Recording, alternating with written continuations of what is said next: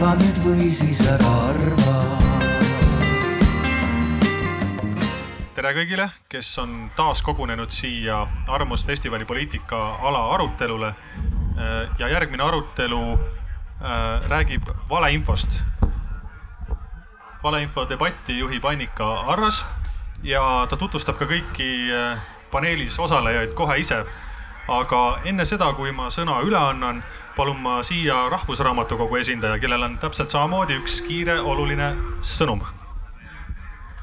aitäh ja tere, et äh, Rahvusraamatukogu telk asub Keskväljakul ja kutsun teid kõiki sinna, sest me teeme desinfo ehk valeinfo aardejaht ja teil kõigil, kes Astu- te astus- osalete. astu samm tahapoole. ja, nii, et äh, kõik, kes te osalete sellel aardejahil, teil on võimalus võita raamat Putini inimesed, mis on nii Eesti kui maailma raamatumüügi edetabelites äh, kõrgel kohal. ja selle desinfo aardejahil osalemiseks anname teile sellise paberi te peate osalema vähemalt kolmel desinfoga seotud arutelul ja saate kleepsu minu või mu kolleegi käest, tunnete meid ära selliste T-särkide järgi. et äh, ja siis peate tooma selle paberi lihtsalt tagasi meie Rahvusraamatukogu telki või saadate telefoniga pildi ja siis loosime esmaspäeval pärast Arvamusfestivali välja raamatu ja veel auhindu. nii et kuulake tähelepanelikult ja võtke osa kindlasti, et desinfo, valeinfo, et see on väga oluline teema. aitäh ja aga selle viimase lause pealt ongi hea üle võtta, tõepoolest. väärinfost tuleb rääkida ja ma arvan, et äh, kõige parem muidugi, kui seda ei oleks olemas. aga eks me seda proovimegi siin täna koos nüüd arutada, et äh, kuidas sellega on ja kuidas sellest võib-olla ka lahti saaks, aga äh, mõnevõrra laiemas kontekstis arutleme selle üle, kuidas, kuidas siis oleks võimalikult vähe väärinfot, aga samal ajal Eestis äh, ühine inforuum. ja minuga koos siia on tulnud äh, neli, ma ütleks juba ette ära, äärmiselt värvikat ja kindlasti väga tihedaid äh, mõtteid omavaid inimest. ja, ja kuigi eelnevalt öeldi, et ma tutvustan neid, siis mina arvan, et nad on kõige paremad ennast ise tutvustama.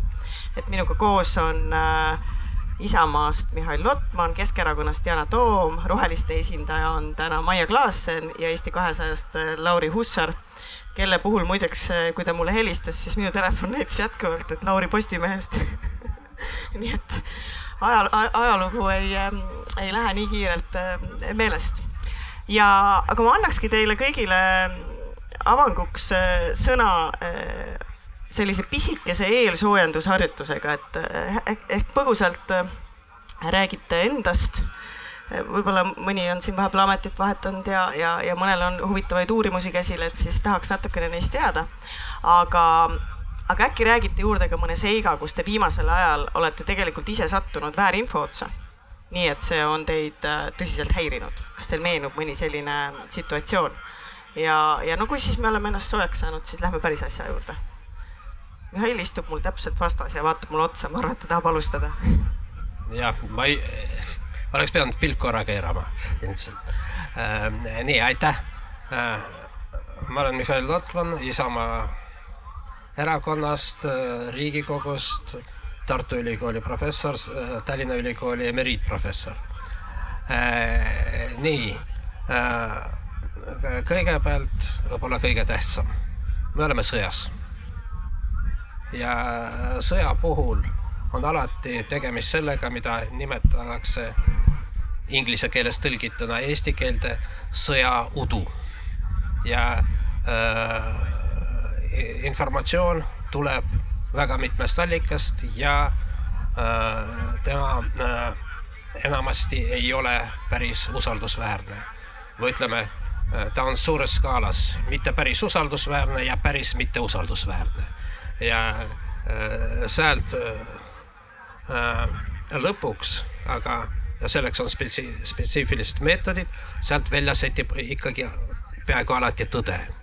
et ei ole sellist asja, et me tegelikult ei tea, mis ajaloos sündis äh,. on ajaloos üsna äh, head meetodid tõe, tõde väljaselgitamiseks, mul on spetsiaalne loeng sellest, aga ma ei hakka seda siin äh, pidama aga no vot, mis seal viimasel ajal, kus ma puutusin desinformatsiooniga. see on muidugi seotud Ukraina sõjaga ja see desinformatsioon Vene poolt tuleb mitte seal mingisuguste üksikute blogijate poolest, see tuleb väga võimsatest keskustest, aga sinna on haaratud ka paljud lääne nii-öelda influencer'id. Just eile ma lugesin uurimust, kuidas on ostetud üsna suur hulk lääne influencer'id sinna Donetski vabariiki, kes peavad nüüd tõestama, et Baraki Ukraina sõjavangidega, Azovi sõjavangidega ukrainlased ise lasid õhku. nii et ülesanne on tehtud ja nüüd ootame huviga, mida nad seal ütlevad. ja Steven Segal on ka sinna kutsutud filmi te te tegema, nii et sealt tuleb üsna võimas desinformatsiooni äh, ports. kas desinformatsioon on edukas äh,? noh kuidas nüüd võtta? mul on tuttavaid Venemaal, kes siiralt usuvad, et ukrainlased iseennast pommitavad. et siis äh, ainult ainuke küsimus neil, et miks nad nii intensiivselt ennast pommitavad. Äh, kui lihtsalt feike teha, siis äh, võiks seda kuidagi kaalutlematult, aga no teate ise, ukrainlased on metsik rahvas, siis teevad kõike, et peaasi, et Venemaa oleks siis halvas vald, valguses e e esitatud. nii, niisiis mõjub. aga see on ka lühiajaline asi. Natsi-Saksamaal oli väga võimas propaganda ja suur osa äh, äh, elanikkonnast seda uskus. kuni neljakümne viienda aastani neljakümne viienda aasta suvel enam keegi ei uskunud. eriti pärast seda, kui neile korraldati ekskursioone koonduslaagritesse. nii et ka siin, vot ma praegu kuulasin Jonathan Sevjevit väga huvitavat vestlusringi ja ütles, et kõige võimsam propaganda on tõde. ja lõppkokkuvõttes see ongi nii. ja nüüd, kui me räägime Eesti sellest infoväljas, siis äh, meie eesmärk ongi tõde. mitte ja tõde, me peame seda julgema äh, formuleerida.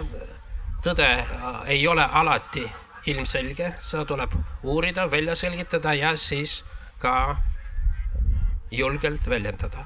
no ma ei taha kogu seda ruumi kinni panna ja annaks hea meelega edasi.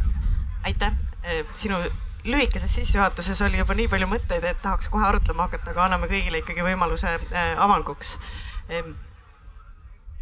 Jana. ma olen siis Jana Toom? Keskerakonna liige. Mikrofon. ei ole kuulda või? no nüüd on. on, vabandust jah, olen Yana Toom, Keskerakonna liige. Enda jaoks olen defineerinud, ma praegu elan oma kolmandat elu, see on poliitiline elu, see teine elu oli seondunud ajakirjandusega väga tihedalt, ma olen olnud ajalehe Densajnjom Vesti Nedeli peatoimetaja ja see on hästi, see on üldse maailma parim amet, ma usun, see meedia. poliitik on võrreldes sellega lihtsalt köömes, aga no see selleks.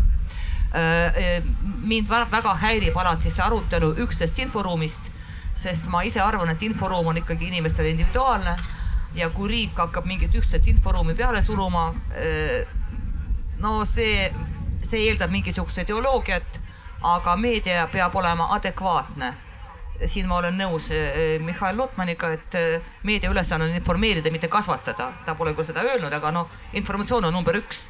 Ja mis mulle väga meeldib näiteks eh, Vene, nüüd on Läti infoportaali Meduusa puhul, siis kui tuleb sõjauudis, alati tuleb sinna väike kastike, et ettevaatust, sõja ajal me ei suuda kontrollida kõiki fakte, nii et te peate suhtuma nendesse teatud reservatsiooniga. ja see on see, kuidas peab nägema välja adekvaatne meedia ka sõja ajal. sest niipea, kui sinna pugeb sisse see ideoloogia komponent, me hakkame inimesi kasvatama, siis see kaotab oma usaldusväärsuse. aitäh sulle, Maia.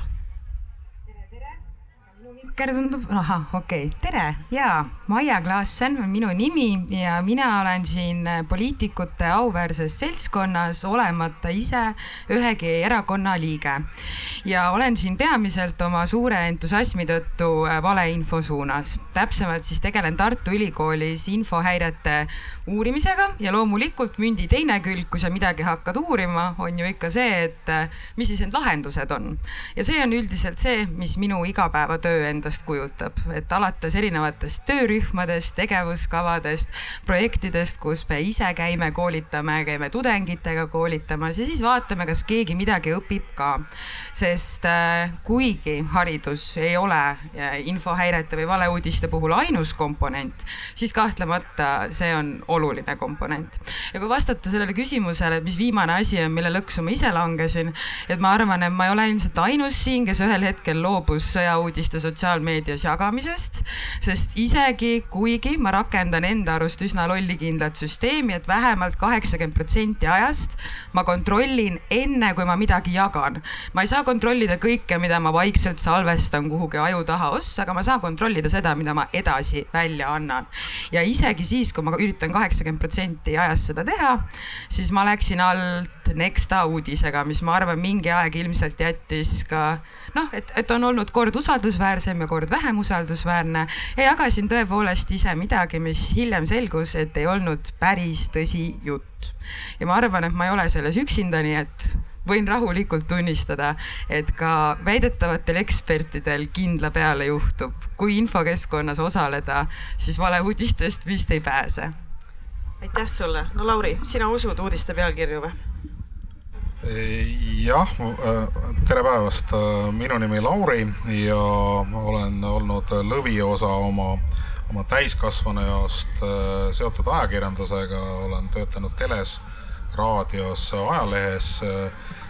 nüüd viimased kolm-neli aastat olen valdavalt olnud meediakoolitaja ja konsultant, olen ka Viimsi gümnaasiumis meediakursuse vedaja või õpetaja ja peale selle olen, olen ka poliitiliselt aktiivne ja, täna Viimsi volikogu esimees, aga, aga nende valeuudistega ma olen küll puutunud kokku küll väga mitmel moel oma, oma töös, kus, mulle on üritatud neid maha müüa ajakirjanikuna. olen olnud silmitsi sellega, kui on mõnigi libauudis lipsanud sisse sisse minu vastutusel olevasse meediaväljaandesse, kus, pärast on tulnud klattida, et miks see on sinna jõudnud.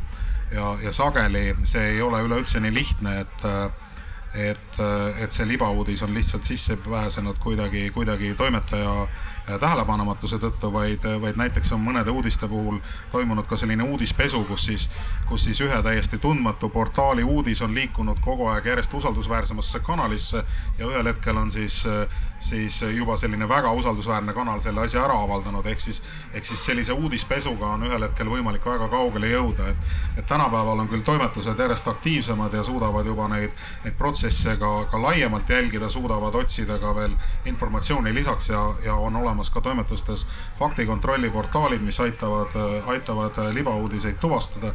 et seetõttu see olukord on, olukord on, on täna kindlasti parem, kui ta oli näiteks ka viis-kuus aastat tagasi mis puudutab nüüd seda tänast arutelu, siis ma arvan, et me võiksime selle jagada kaheks, et siin on üks osa, mis on väga selgelt seotud sellise meediateadlikkuse tõstmise ja vajadusega seda meediateadlikkust tõsta. Ja kui mina olen Viimsi gümnaasiumis nüüd mitu aastat vedanud juba meediakursust Äh, siis esimese äh, kursuse või taseme õpilastele, siis, siis ma olen alati kursuse alguses teinud ka küsitluse, et, et, et milline on see koht, kust, kus, kus noored peaasjalikult saavad oma uudisinformatsiooni. Ja, ja paraku see ütleme, kuuskümmend viis, seitsekümmend protsenti on, nad mainivad sotsiaalmeediat, kus nad saavad oma esmase uudisinformatsiooni kursuse lõpuks on äh, sotsiaalmeediast järele jäänud nelikümmend, nelikümmend viis protsenti. ehk siis sellest kursusest on reaalselt kasu, et me võiksime siin ühel hetkel ka, ka arutleda äh, meediahariduse vajalikkuse üle ja meediateadlikkuse äh, tõstmise vajalikkuse üle just läbi meediahariduse tõstmise. ja teine teema, mis on seotud nüüd nagu selle inforuumiga ja võib-olla sellise ühise inforuumiga, on seotud võib-olla laiemalt sellega, et kui me räägime siin sõja kontekstis ka ka meie idanaabri vaenulikust mõjutustegevusest, et siis kindlasti ka see osa on üks info, üks osa inforuumist, mille üle me peame siis seda, seda arutelu täna pidama. Ja, ja, ja, ja kui, ja kui eriti tähelepanuväärne näide tuua fake või valeuudisest, millega, millega oli võimalik suuri masse lollitada, siis ma arvan, et me me, sellest on küll üksjagu möödas, aga, aga ütleme niimoodi, et Euroopale jättis see väga suure jälje. ja Brexiti referendumi puhul kõik need fake news'id, mis ühel hetkel sotsiaalmeedias väga sihitult äh, ja suunatult mingitele kindlatele inimestele kohale jõudsid ja millega mõjutati avalikku arvamust ja tegelikult pöörati ära selle referendumi tulemus äh, Brexiti kasuks, et see on kindlasti üks selline mõtlemise koht, et, et kuidas tehnoloogia kaudu on, on mõjutatud äh, avalikku arvamust ja, ja otsustusprotsesse. ja vot see on asi, millega kindlasti tänases maailmas tuleb väga tõsiselt tegeleda. aitäh sulle. Äh, tutvustusringi lõpetuseks ma tutvustan ennast ka, seegi jäi alguses tegemata, et, et modereerin tänast vestlust, aga olen samal ajal ka Miltoni juht, asutasin selle ettevõtte Eestisse kaks tuhat kuusteist. aga minu äh, professionaalne elu enne seda oli Reformierakonna kampaaniajuhina, nii et äh, nii kommunikatsioonis kui poliitikas äh, ja ka propagandas ja ka väärinfos omajagu kogenud nii et äh, ma loodan, et äh, meie kõigi taustad on täpselt need, mis äh, tänase arutelu teevad huvitavaks ja siis lo loomingulist tuld meile. aga, aga tahaks ka, et me jõuaks mõningate no äkki me jõuame mõne ühise seisukohani ka, vaatame. aga ma läheks siit edasi nii, et mind väga kõnetas see, mida sina, Yana, ütlesid. et, et tegelikult sulle sugugi ei meeldi see ühise inforuumi jutt, et äh, võiks lihtsalt rääkida sellest, et info, mida jagatakse, oleks adekvaatne. ja, ja mind väga hämmastas äh, siit edasi mõeldes, et mind väga hämmastas sel aastal, et, et kui äh, Venemaa ründas Ukrainat, siis kuidagi jube lihtsalt läks see, et need Vene kanalid siis, mida Eestis näidati, keerati kinni, nagu otsus oli nii. kuigi aastaid ja aastaid oli meil olemas tegelikkuses ju see teadmine, et äh, väärinfot või moonutatud infot sealt ka edastatakse. Äh, nüüd tulles sealt uuesti tagasi tänasesse päeva, siis, äh, siis täna ütles äh, Saksa liidukantsler Olav Schulz või oli, Schulz, et oli see täna või eile, et, et kui oli jutt sellest, et kas Vene inimestele peaks Euroopa Liidu piirid kinni panema, et, et seda ei tohi teha, sellepärast et me ei peaks kuidagimoodi siis nüüd karistama lihtsat Vene inimest. siis vot siit tõukub mu järgmine küsimus teile, et, et, et kui see mõte nüüd üle kanda siia, et, et miks siis inimene ei peaks saama vaadata täpselt neid telekanaleid, mida tema vaadata tahab. et, äh, et, et kuni kahekümne neljanda veebruarini me arvasime, et neil on see õigus olemas ja nad tohivad seda, siis keerasime selle kinni.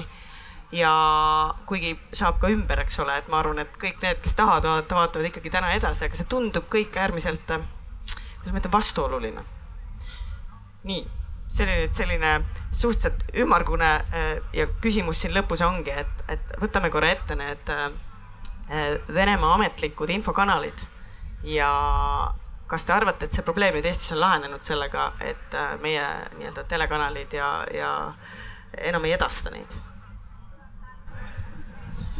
kui tohib, mu, mu ema on kaheksakümmend üheksa aastat vana. ma tulin teda vaatama no kuskil veebruari lõpus ema istus punased silmad peas, vaatas Solovjovi telekast. ma küsisin, kuidas sa seda teed? aga mul ju traadid olemas.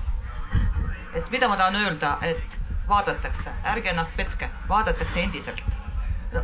vähem või rohkem on praegu tekkinud mingid kanalid, mulle siin näidati kanalit, mille nimi on Smotrim.ru, kus Solovjovi näidatakse kakskümmend neli seitse. lihtsalt kõik Solovjovi saated nagu peas. ma ei räägi Ida-Virumaast või Narvast kus lihtsalt levib, no kuna lihtsalt see on nii lähedal, kus sa sõidad Narvast Narva-Jõesuu, siis sa pead kogu aeg vaatama oma telefoni roamingut, et kogemata äh, sa ei no, lihtsalt leiad ennast Vene, Vene roamingus ja siis tuleb mingi meeletu arve.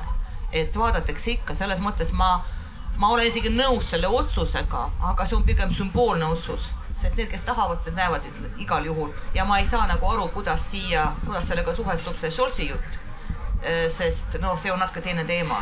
ja, aga põhimõte lihtsalt selles, et miks peaks üldse midagi ära keelama. selleks, kui me tahame midagi ära keerata ja keeramegi ära, peab olema alternatiiv. aga meil on see, et me lasime selle aja lootusetult mööda, sest kaks tuhat seitse oli esimene arutelu, et teeme korraliku Vene telekanali, siis kuidagi kõik lahenes ära, seda ei tehtud, siis tuli Krimm, siis lõpuks tuli ETV2 ETV2 originaalsaadete maht on alla kolme tunni ööpäevas. Alla kolme tunni ööpäevas, nende eelarve on natuke alla kahe miljoni. sellega sa ei suuda teha öö, toodet, mis tegelikult noh, seisab vastu sellele nagu laviinile, mis tuleb Venemaa poolt. me peame lihtsalt rohkem sinna panustama, siin muud retsepti ei ole. Lauri. mulle meenub kohtumine selle aasta alguses, kus Eestit külastas äh, Nezavissima ja Gazeta peatoimetaja, leht on nüüd ka kinni pandud. Ta on, ta on Euroopas tegevad jah, et Nezavissima ja Gazeta peato-, peatoimetaja Nobeli preemia laureaat Dmitri Muratov ja, ja tal oli siis kohtumine ka väga suure hulga Eesti avaliku elu tegelastega, kus ta siis rääkis Venemaa taustadest väga pikalt ja põhjalikult ja muuhulgas rääkis loomulikult aga ka Vene meediakandjatest, peaasjalikult Vene televisioonist ja millist rolli see Vene televisioon täidab. Dmitri Muratovil oli küll väga selge seisukoht, et, et Vene telekanalid on Venemaa sõjajõudude loomulik osa see on, see on üks väga selge osa informatsioonilisest mõjutustegevusest, mida Venemaa kasutab venekeelse inforuumi mõjutamiseks ja, ja, ja seda tehakse massiivselt ja aktiivselt. et sellel, selle loomulikult eriline koht oli sellel, selles kahel telekanalil, oli Rossijal ja, ja NTV-l, mis siis, mis siis kandsid põhiraskust, aga ka teistel telekanalitel oli siin oma väga selge roll. see, et me lasime pikki aastaid Vene telekanaleid ilma igasuguse filtrita eetrisse, et see näitab ühel hetkel või mina ütleks, et ka meie tolerantsust, sellepärast et et paljud riigid, sealhulgas ka Leedu, tegid selle sulgemise otsuse oluliselt varem ära. aga, aga see, et, et ühel hetkel see nii-öelda sõja puhkemisega osutus täielikult võimatuks selle, seda, seda sõjapropagandat vaadata, see oli ka täiesti selge. ma juhin tähelepanu, et see diskussioon algas tegelikult ammu enne seda, kui, kui Venemaa Ukrainat ründas. et, et see sõjahüsteeria ja sõjahüsteeria õhutamine nendes kanalites oli juba nagu jõudnud sellise tasemeni, et, et inimesed, kes seda jälgisid, said väga hästi aru, et millega on tegu ehk siis, et, et ma arvan, et see oli, see oli ainuõige otsus, selle oleks pidanud kindlasti tegema palju varem aga, aga, aga, aga me ei oleks saanud seda tegemata jätta, et seda, seda ei oleks me kuidagi endale põhjendanud. see, et inimesed jälgivad VPN-i põhjal neid telekanaleid ja nii edasi, et see on, see on ka ühelt poolt arusaadav, aga ma võin, ma võin kinnitada, et olles näinud ka mingeid numbreid, kuidas moel või teisel inimesed suhtestuvad meediakanalitega, siis ikkagi need tehnoloogilised lahendused ja need keeruliste tehnoloogiliste lahenduste sisseviimine paratamatult tõmbab maha seda, seda vaatamise hulka, vaatamise sagedust ja nii edasi. ehk siis, et moel või teisel selle, selle vaenuliku sõjapropaganda jõudmine Eestis elavate vene keelt rääkivate inimesteni on vähenenud et, et, et see on, see on, see on aset leidnud. nii et, et kindlasti oli õige otsus, aga, aga ma Äh, noh, jätaks selle diskussiooni nii-öelda järgmised sammud siis juba nii-öelda edasiseks aruteluks. no Mihhail, sina ennem ütlesid, et äh, tõde on oluline. kui nüüd see, sellega saab ainult nõustuda, ma arvan, et keegi ei vaidle sellele vastu siin. aga et kui nüüd see, see valemassiiv on nii suur, nii tugev ja nii järjepidev, eitus, mis on äh, kordus, kordus, kordus ja nii tugev eitus ja ühtegi muud alternatiivi ei ole, siis kuidas me kuidas me lõpuks selle tõeni päriselt jõuame? on sul mõni äh, retsept meile? täpsustaks küsimust, et kellele tõde, Eesti elanikele või Venemaa elanikele? hea küsimus võtame esi, võtame, võtame esiotsa Eesti. jah no praegu on need kanalid kinni pandud ja siin ei ole enam midagi arutada. siiski enne veel ütleme, paarkümmend aastat tagasi ja ma olen kogu aeg seda rääkinud nii Riigikogus kui ka muudes. et äh, ei ole vaja kinni keerata, need tuleb maksustada nii nagu pornokanaleid ja nad käiksid just äh, seesama rubriigi all. ta, kes, kellel on spetsiifilised vajadused vot sellise äh, asja järgi, nad võivad vaadata, aga see maksab Äh, aga enne oli nii, et need äh, Vene ka, propagandakanalid olid kohustuslikus paketis. Äh, sa ei, ei saanud seda paketti osta nii, et seal neid ei oleks. see oli minu meelest väga vale äh, nii, ja te, kui me räägime siin sõnavabadusest ja nii edasi, siis äh, me peame väga selgelt aru saama, et see Venemaa kanalitel ei ole mingit pistmist sõnavabadusega see on täpselt see, mida Muratov ütles, ma olin ka seal ja ta nimetas seda äh, informatsiooni massihävitusrelvaks. sest see, see äh, selle relva kasutamise ohvrid on massiliselt. on, no Venemaal äh, Venemaal televiisorit nimetatakse zombikastiks, zombajašik ja siis äh, kõik teavad, mis seal tuleb ja eesmärk ongi zombistada. Nii, kes tahab zombistada, jah, üldiselt pe peaks maksma, aga nüüd nad on kinni pandud ja mina olen küll viimane, kes nutaks neid taga. kes tahab äh, äh, mingisugused seal VPN-i või teiste vahenditega on seal Äh, inimestel tekivad igasugused päris huvitavad tehnilised äh, lahendused, kuidas äh, seda vaadata. no ega seda keelata ei saa, aga nad peavad teadma, et nad tegelevad millegi häbiväärsega. vot see, see oleks minu sõnum. jah, muidugi ma oleksin väga seda poolt, selle asja poolt, et Eesti ka Vene kanal, telekanal oleks sisukam aga ka Eesti telekanal võiks olla sisukam mis mulle, vot mis venelased on mulle rääkinud, aga me ei tea, mis valitsus meist tahab. Ja vot, äh, aga no eestlased ka ei tea ja, aga vot ma, ma olen mitu korda püüdnud vot seda ideed äh, müüa, see tähendab kinkida et teha nii, nagu ma olen vana inimene, kuulasin Ameerika häält ja seal iga päev iga tunni lõpus oli viis minutit. nüüd kuulake kommentaari, mis kajastab Ameerika valitsuse seisukohta. ja oleks väga tore, kui Eestis oleks ka äh, kasvõi kord päevaks, me teaksime, mis on Eesti valitsuse seisukoht. no mulle vastaks, et no selleks on pressikonverentsid, kes neid jälgib. jah, aga et äh, seal uudiste lõpus viis minutit, kasvõi kolm, valitsuse seisukohta ja äh, võiks ka vene keeles, aga üldiselt enamus eesti venelasi oskavad eesti keelt. nii, ma annan sõna Jaanale ja siis Maia. Ma lihtsalt äh,, minu käest küsiti kommentaari Vladimir Putini kõne osas. no ta pidas siin mingit kõnet mõned kuud tagasi. ma olin Brüsselis parasjagu ja ma ei suutnud seda kommentaari anda, sest ma lihtsalt ei leidnud seda kõnet üles. kõik on ära blokeeritud ja kus ma leidsin selle kõne, see oli Eesti Delfi. et mida ma tahan öelda, nüüd siis, kui need kanalid blokiti ära, Eesti meedia mingi rumala järjepidevusega kogu aeg kajastab, mida kõik eile Solovjovi saates räägiti. Et ma saan aru, et noh, see on kuidagi, no see on väga imelik nagu asjade käik on ju, seda pole vist keegi oodanud, aga nii see asi läks. et võiks ka Eesti meedia nagu natuke peeglisse vaadata ja mitte neid jamasid võimendada. aga seda tehakse ja siis see venelane, kellel pole seda VPN-i, läheb Eesti Delfisse, saab teada, mida kõike seal eile räägiti ja see muidugi oli tõsi mulle tundub, et me peame täna veel haridusest ka rääkima, aga, aga Maia, ole hea.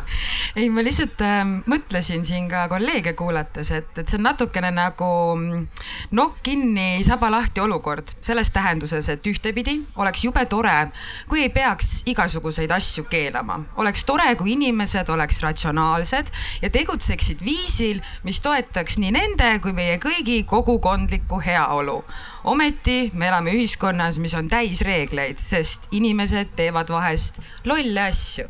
mis tähendab seda, et me tegelikult ju räägime sellest, kui jõuliselt võiks suunata valitsuse arvates mõistlikke otsuseid tegema nüüd teistpidi jälle küsimus, kui ei oleks pandud kinni venekeelseid kanaleid, kas valitsus oleks sellisel määral investeerinud sellesse, et oleks paremaid alternatiive? ehk siis meil ju said, eks ole, teatavasti venekeelsed toimetused lisarahasüste just sellepärast, et meil on nüüd vaakum, mida meil oleks vaja täita alternatiivse sisuga.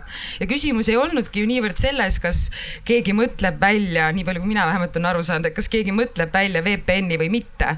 lihtsamini kättesaadav võiks olla teistsugune sisu ja see jah, kui, kui jõuliselt seda siis oleks pidanud tegema või võiks teha, ma kahtlustan, et me tegelikult kõik praegu natuke ennustame, et küllap siis kümne aasta pärast on nagu hea targalt öelda, et mina ütlesin kohe, et see oli hea otsus või halb otsus.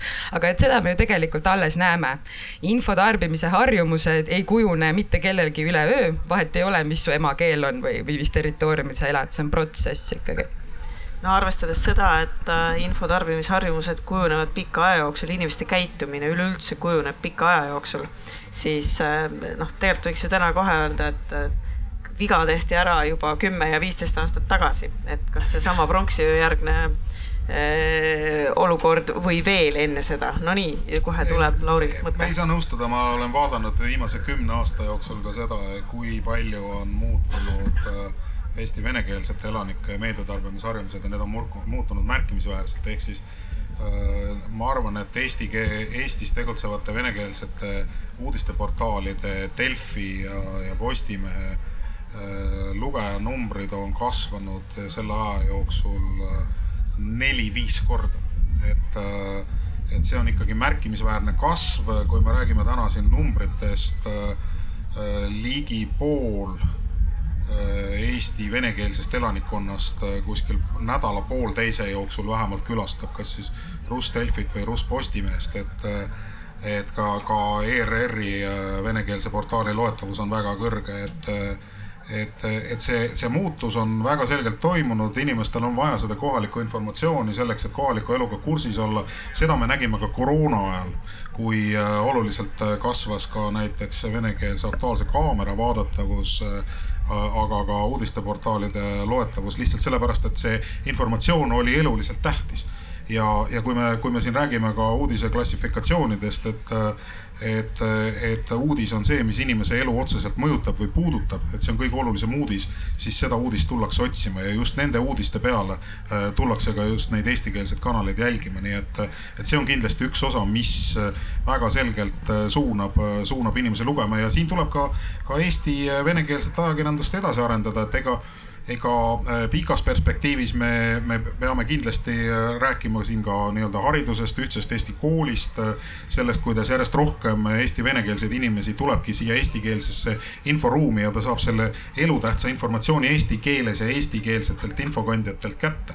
Et, et ka siis me oleme juba täiesti teises olukorras, aga see on nii-öelda nagu ka edaspidine jutt, aga, aga see, mida ma just praegu tahan siin välja tuua, on see, et, et Eestis elavate venekeelsete inimeste infotarbimisharjumused on viimase kümne-viieteist aasta jooksul oluliselt muutunud ja just, just ka, ka kohaliku äh, meedia tarbimise kasuks.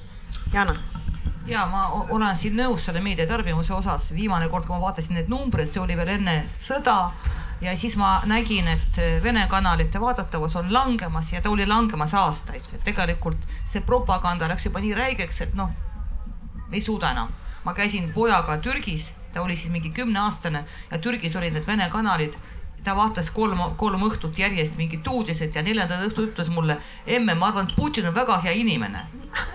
Ütlesin, et milles asi, temast kogu aeg nii hästi räägitakse, küll ta jagab võtmeid, küll ta seal, ta siis sukeldas, võtsid mingeid amforeid, ühesõnaga see nelja päevaga laps oli täitsa nagu klient gatov.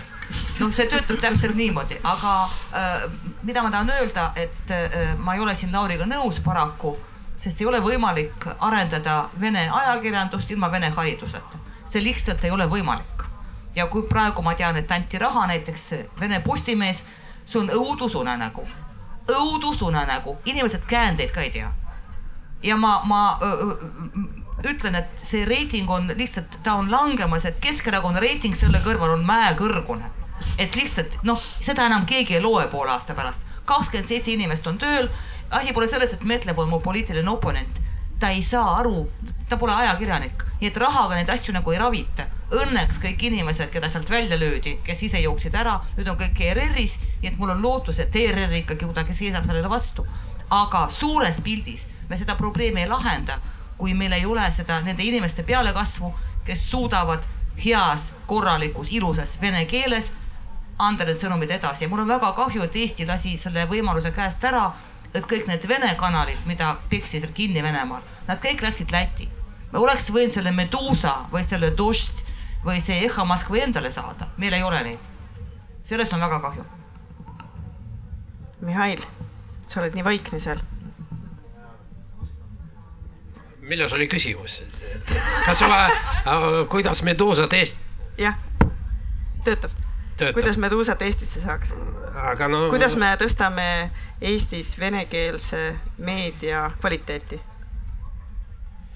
Ma ütlen, veel kord, et Eestis on kõige olulisem tõsta eestikeelse meedia kvaliteeti. aga mis puudutab jah, Dožd on tulnud jälle eetrisse ja see on hea.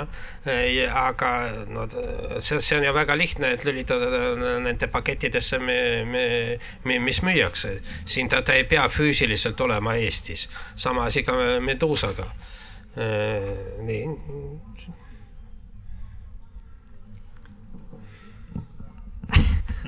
väga hea ma vahepeal vaatan publikut. aga ma, ma hea meelega vastaks küsimusele, aga enne ma tahaks küsimust kuulda. ja, ja ma küsisin, kuidas, aga sa vastasid lühidalt, et tegelikult on vaja tõsta eestikeelset, et see oligi vastus, see oli väga lühike ja konkreetne.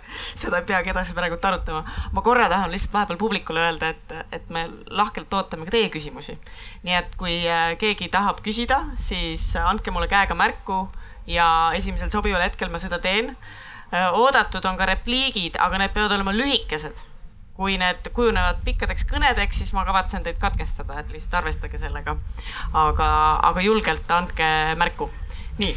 ma, ma natukene seda hariduse teemat siiski puudutaks veel edasi, et, et, et kui me räägime siin sellist laiemast pildist ja, ja, ja ühtsest inforuumist, et et siis pikas perspektiivis me, me räägime ju sellest, et kõik Eesti lapsed hakkavad õppima ühtses Eesti koolis Äh, nad, äh, nad väljuvad sealt koolist selliselt, et nad, äh, nad on, nad on täieväärtuslikud ühiskonnaliikmed, saavad väga hästi aru eesti keelest, on saanud Eesti väärtuskasvatust ja, ja valdavalt nad hakkavad hakkavad siis ka seda informatsiooni tarbima eestikeelsest meediast, mis loodetavasti siis nagu Mihhail ütles, on, on tulevikus kindlasti veel kvaliteetsem, kui ta on seda täna.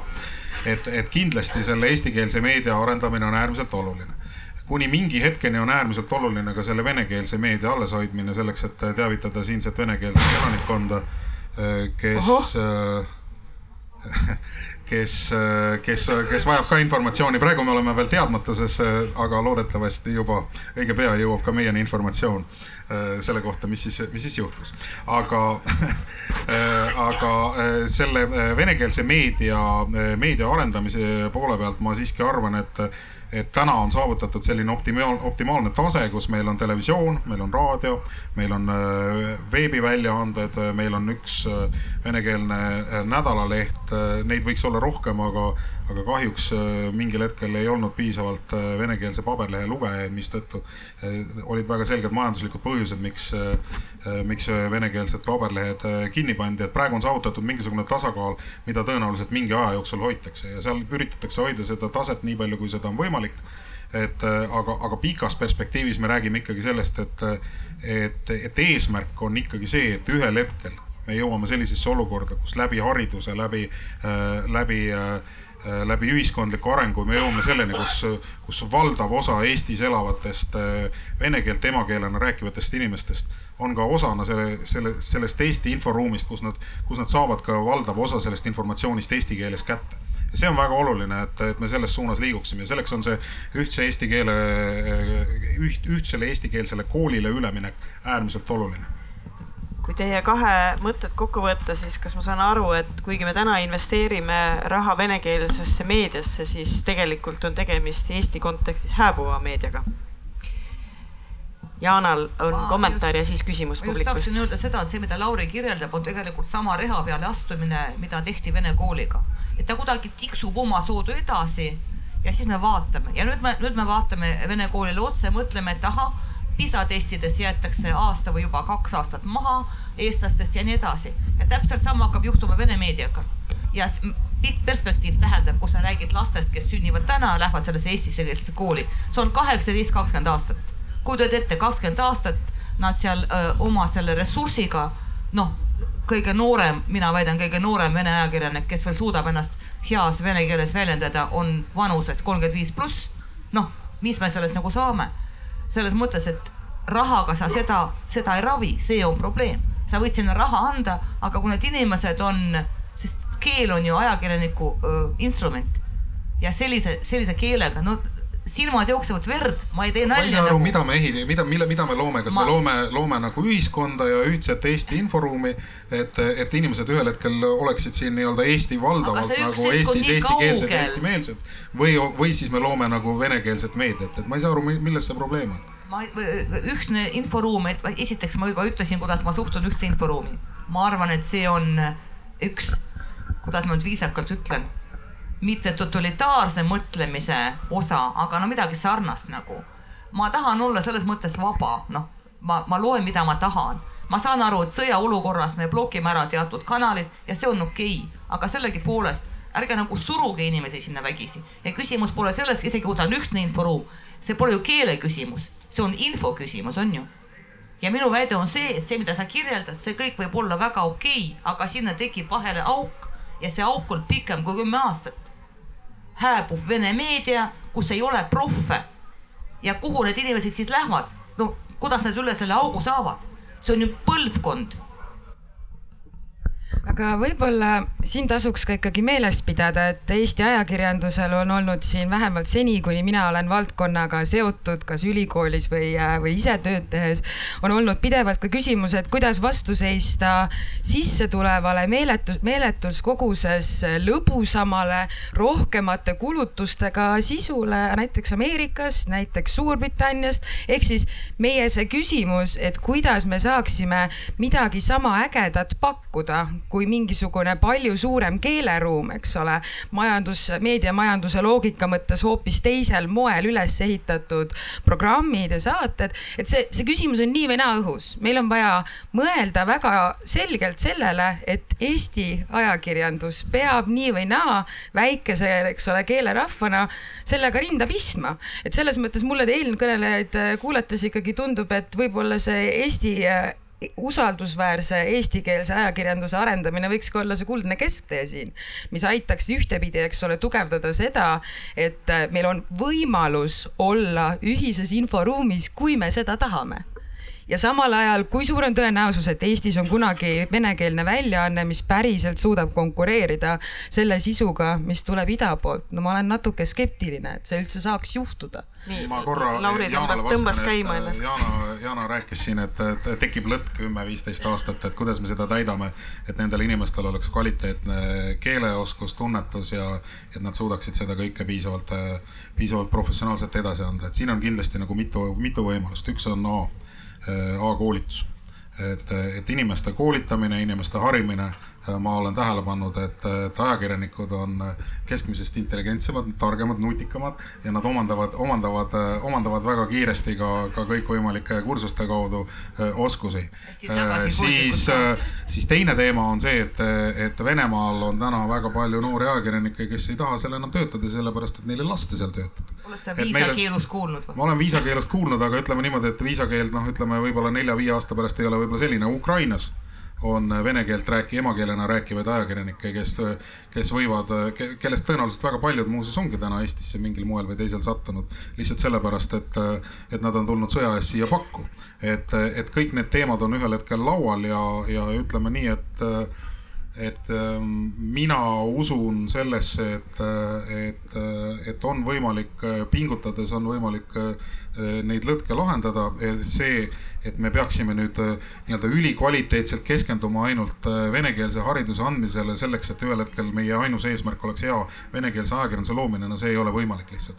et ma saan aru ikkagi ka tänane valitsuskoalitsioon on sõnastanud ühtsele eesti, eestikeelsele või eesti koolile ülemineku idee ja, ja, ja see, et, et astutakse järgnevad sammud, et see kõik on äärmiselt oluline.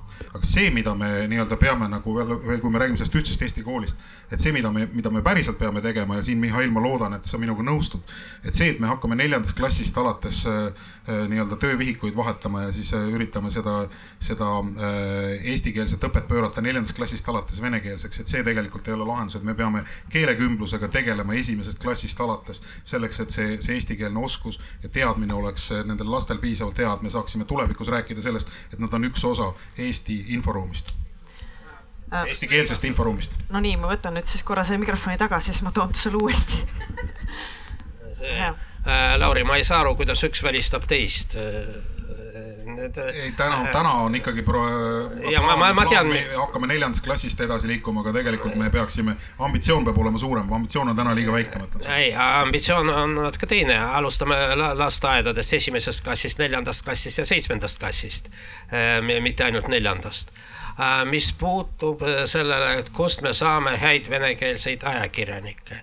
üks variant oli muidugi neid importida. teiselt poolt, et äh, Äh, Jaanale tahaks vastu öelda, et äh, ajakirjanik ei tule keskkoolist. ajanik, ajakirjanikul peab olema kõrgem haridus ja venekeelne kõrgem haridus vene filoloogias on täiesti olemas ja see kusagile ei kao.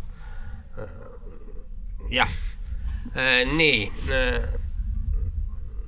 Nüüd ma annan Mari ma ütlen äh, niikaua, kui mikrofon liigub, ma ütlen ühe väikese meelelahutusliku äh, mõtte siia vahele, et kui sa rääkisid ennem, et et meie meedia peaks jõudma siis sama heale tasemele, noh, eriti just meelelahutus, mis on ikkagi ju ülimalt professionaalne ja võimas, mida Venemaal tehakse, siis ma hiljuti vaatasin nende täielikku tipptaset poliitikute debattidest, mis on osa tegelikult viha õhutamisest ja infosõjast. poliitikud saate lõpus hakkavad kõik omavahel kaklema. nii et äh, mu sisetunne ütleb, et Eestis me selleni ei jõua.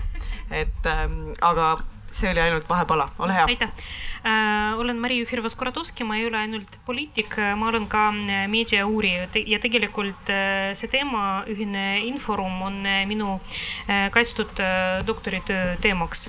ja tegelikult ma tahtsin siin täiesti nõustada Janaga, et praeguse Vene meedia kvaliteet on langenud nii madalale, mitte kogu meedia, aga teatud väljaannete puhul ma saan seda öelda, et lihtsalt see, see ei ole tõsiselt võetav äh, äh, lugejate poolt, et äh, mis mõjutamisest me saame rääkida, kui näiteks mõned artiklid ühes nädalalehes, mille peale on eraldatud väga suured summad, on kirjutatud nii halvas vene keeles grammatiliste ja süntaktiliste vigadega, et lihtsalt lausa keeruline seda lugeda isegi nii haritud inimesele kui minule oma emakeeles.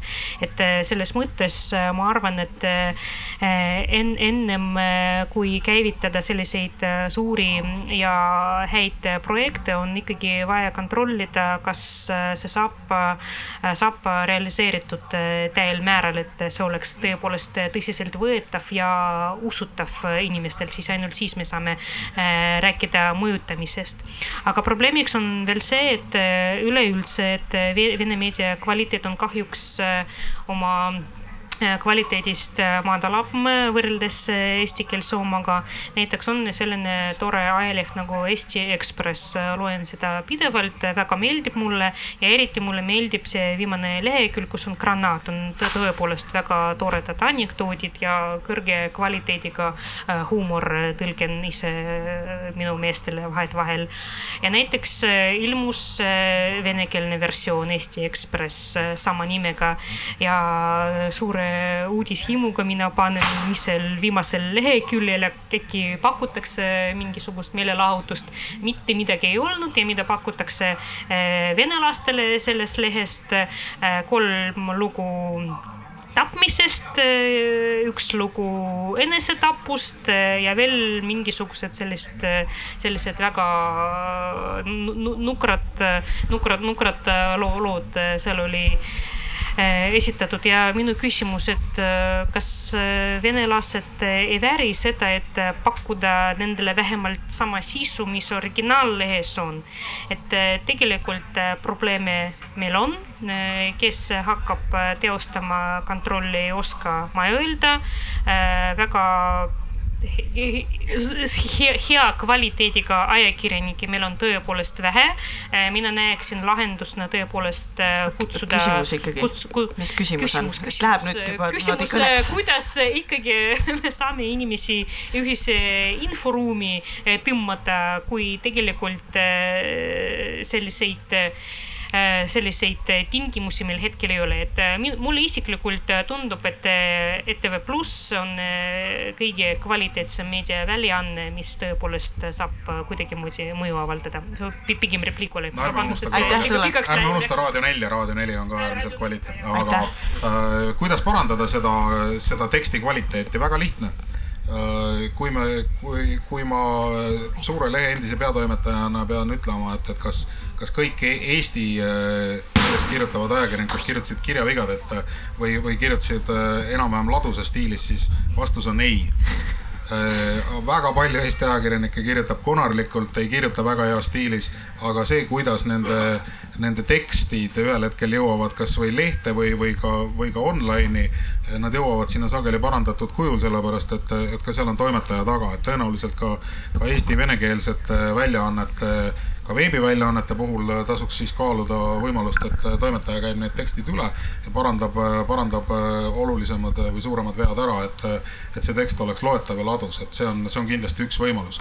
ja, ja ma arvan, et, et selliseid toimetajaoskusega inimesi täna Eestis on piisavalt selleks, et, selleks, et, et seda olukorda lahendada, aga aga sellega ma olen nõus, et, et alati tuleb taotleda kvaliteeti ja, ja, ja siin on Rahvusringhäälingul eriline roll Äh, see tuleb, see tuleneb ka seadusest ja, ja ma arvan, et nii ETV, ETV Pluss, äh, Raadio neli kui ka venekeelne ETV äh, või mis ta on siis nüüd ERR-i uudisteportaal, et, et nad kindlasti astuvad siin, siin sammu edasi, et, et siin, siin ma usun, et, et ka see on üks märk sellest, et kuidas on võimalik kvaliteetsemalt ja, ja nii-öelda edasivaatavat ajakirjandust teha.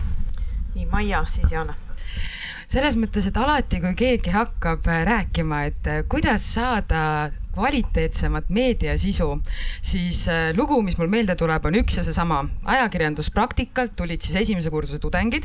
aasta oli siis kaks tuhat kolmteist ja neliteist, nii et toona loeti veel klikke. ja meie siis pärast praktikasuve kõik plaksutasime kõige rohkem klikke saanud noorele reporterile. ja tema kuulas aplausi ära ja ütles, et aga teate, ma ei taha enam ajakirjanikuks saada mis mõtles, noh, tollel hetkel täielik edu, ta oli tõesti saanud rohkem lugemisi kui kogu ülejäänud ruum kokku, eks ole. ja siis tuli välja, et see lugu oli sellest, kuidas ähm, keegi oli ka hakanud Anne kanali äärde, sest see on see, mida me tegelikult klikime.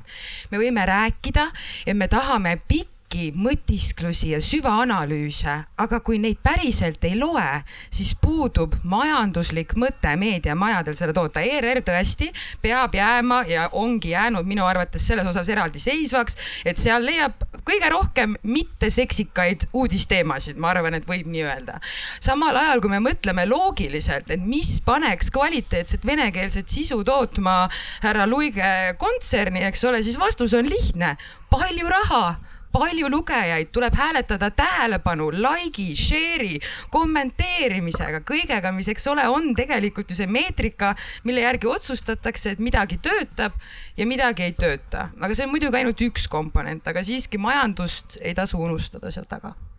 Jana no,. mina äh, olen muidugi nõus ja ei ole ka, nagu alati minu puhul et ma arvan, et äh, rahaga neid asju ei ravi, küsimus on lihtsalt selles üleolevas suhtumises, et see Vene toimetus Äh, äh, noh, vaadake, lasti lahti konkreetne inimene, kelle nimi on Olesja Lagašina, kes oli väga tugev peatoimetaja. lasti lahti, sest poliitiliselt Sergei Metlev tundus neile kuidagi parem härra ei oska kirjutada, aga see kedagi ei huvita. küsimus on ja sealt tulevadki need jamad.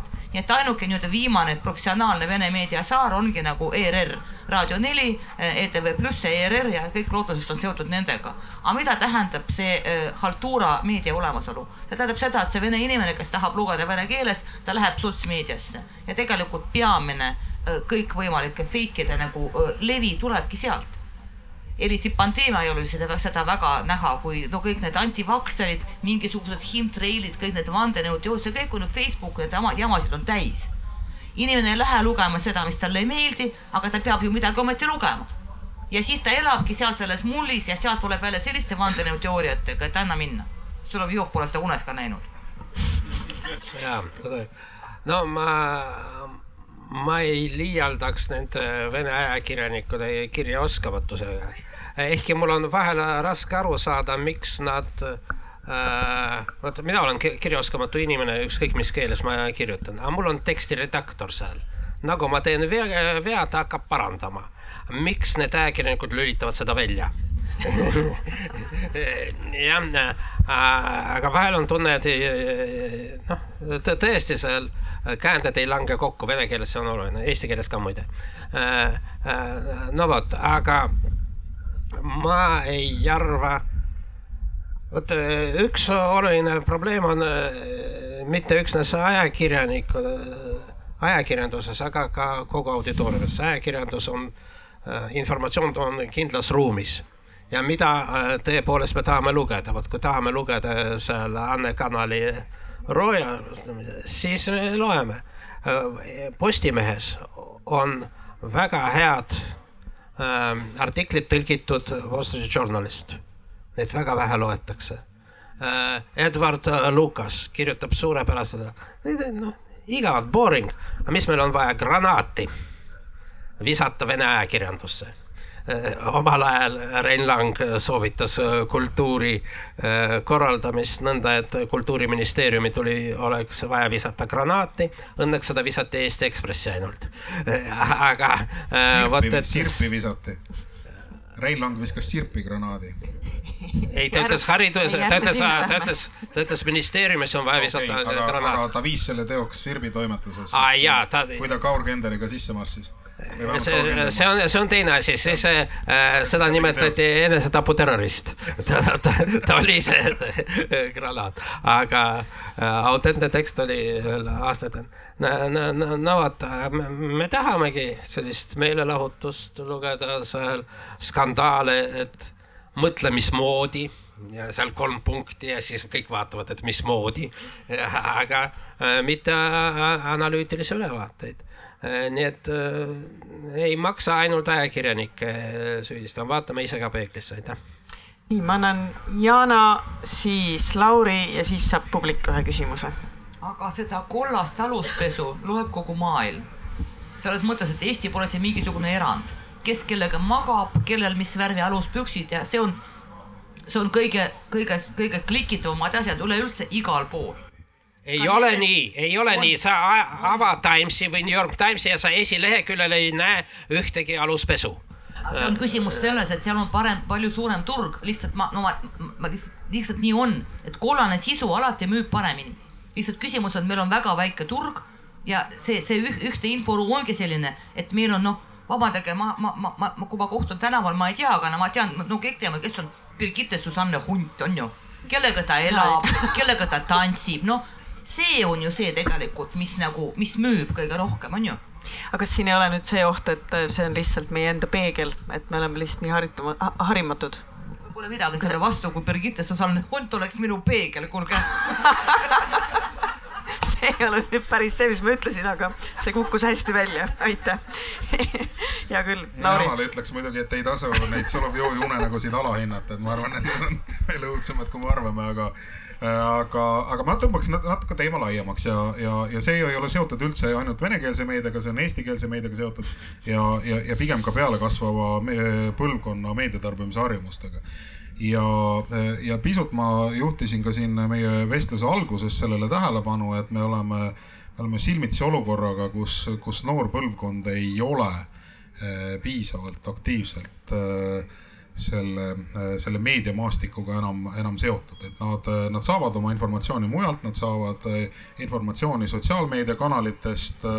Nad, nad satuvad väga harva traditsiooniliste meediakandjate mõjusfääri, tõsi, see on seotud ka vanusega, mida vanemaks nad muutuvad, seda rohkem hakkavad nad ühiskonnast äh, huvi tundma ja lõpuks võib-olla ühel hetkel siis saavad nendest ka Vikerraadio kuulajad, eks ole.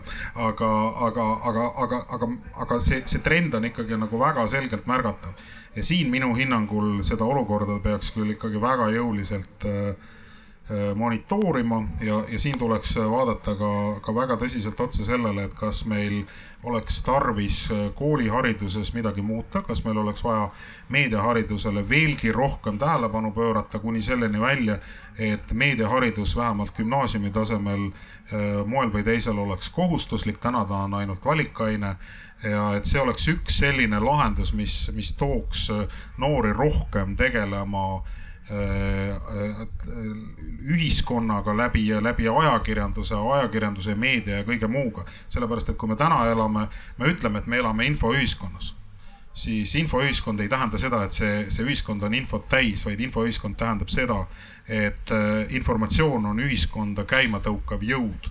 ja, ja sellest, äh, kuidas informatsioon ühiskonda käima tõukab sellest, sellest ellu astuv inimene peaks aru saama selleks, et mõista ühiskonnas toimuvaid protsesse, mõista, kuidas toimib poliitika, kuidas toimub demokraatia, kuidas, kuni selleni välja, kuidas toimib majandus ja nii edasi, et kõiki neid protsesse, selleks, et ta mõistaks neid protsesse, on tal vaja aru saada täna ka nii-öelda meedia toimimispõhimõtetest. Ja ta peab aru saama ka sellest, kuidas temani jõuab tasakaalustatud informatsioon, sellepärast et sotsiaalmeedia kaudu see temani ei jõua, sotsiaalmeediani jõuab, sotsiaalmeediast jõuab temani ainult, ainult kajakambrite, infomullide, sõprade ja, ja muidu selliste, selliste toredate inimeste informatsiooni ja natuke võib-olla siis ka sinna peale siis veel mingisugust uudist, informatsiooni, kui seda on jagatud ja see on nendeni jõudnud. aga see ei ole piisav. aitäh sulle, võtame nüüd publikust küsimuse ja seal keskel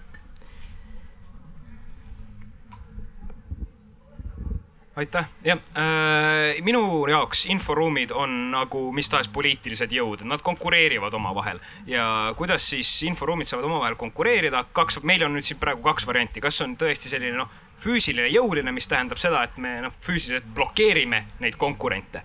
teine variant, mis ma arvan, on tõenäoliselt meile vastuvõetavam, on see, et me konkureerime sisuga.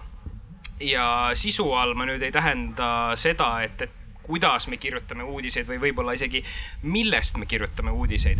aga kui me tahame inimesi selles nii-öelda meie ruumis hoida, siis millised oleksid need sõnumid? siin ma, siin ma mõtlen, noh ide, ideoloogilisi sõnumeid, me ei saa sellest üle ega ümber. Et, millised oleksid võib-olla just need ideoloogilised sõnumid, mis siis inspireeriksid inimestes uhkust, lojaalsust sellele meie ruumile ja ka siis sellest kaudselt edasi Eesti riigile. aitäh, ole hea, tutvusta ka ennast. jah, Eino nii, kes tahab Eino küsimusele vastata? millised oleksid need sõnumid, ideoloogilised? Noh, ma algusest ütlesin, et ma, mulle üldse ei meeldi see idee iseenesest, et me hakkame oma inforuumi kuidagi ideoloos-, ideoloogiliselt laadima, sellega me hävitame selle usutavatuse, aga lihtsalt probleem on ju ka selles, kui ma loen nagu vene pilguga neid Eesti, Eesti uudiseid. ega see suhtumine venelastesse on tihtilugu selline üleolev. kõik need karikatuurid, kõik need sellised, noh, saate aru, mina venelasena ei tunne seal ennast ära. No okei okay,, mina olen Yana Toom, kes ma olen, aga põhimõtteliselt noh, ei tunne nagu ennast ära. kõik mõtlevad kuidagi, kui mingisugune tänavaküsitlus on Postimehe poolt no siis ikka kõik kuidagi ühte auku, no ühte väravasse, noh, selles mõttes see pole päris nagu päris adekvaatne pilt, see on probleem muidugi. ja noh, see, see kõik võtab aega. ja samas noh, see, see, see, võtame selle Narva tangi, sest keegi praegu ei teadnud, ta seisab seal kuskil tänava ääres, see, see, see tee on väga kitsas.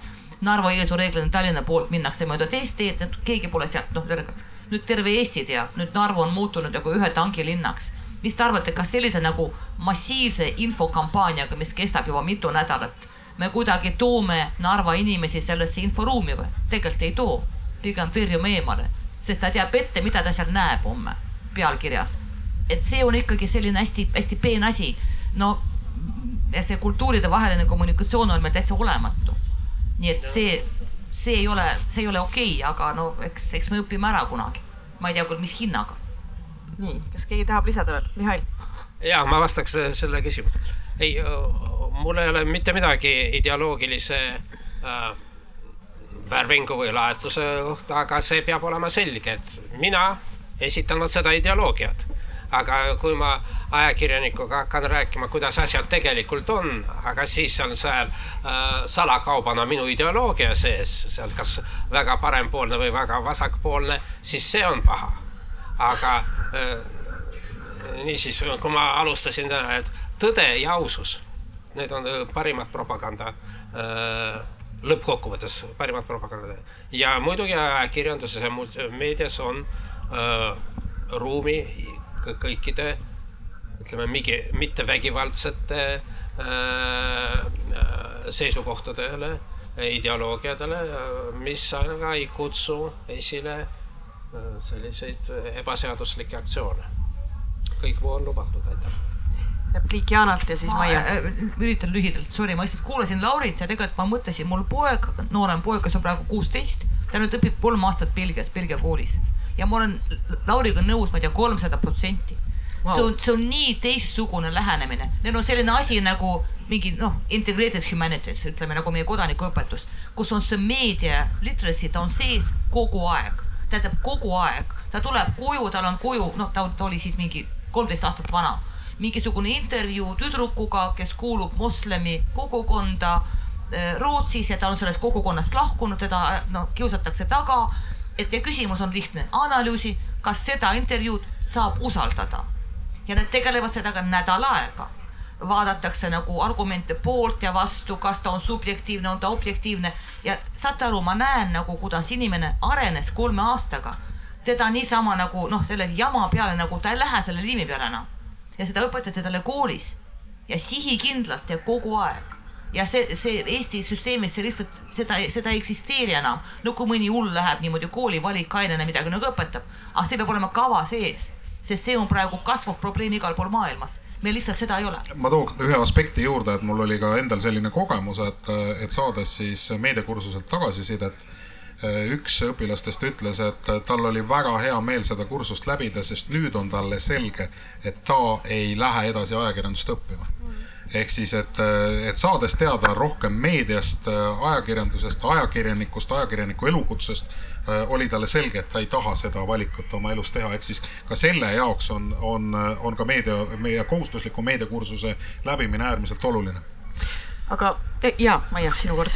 ma lihtsalt äh, kuulasin teid kõiki ja pakun äh, välja äkki, et ähm, noh, teades natuke peab uuringutest rääkima, mida uuringud räägivad kindla peale, on see, et kui tegemist on ideoloogilise identiteediga seonduva info ümberlükkamisega, siis sa kukud üsna kindlalt läbi.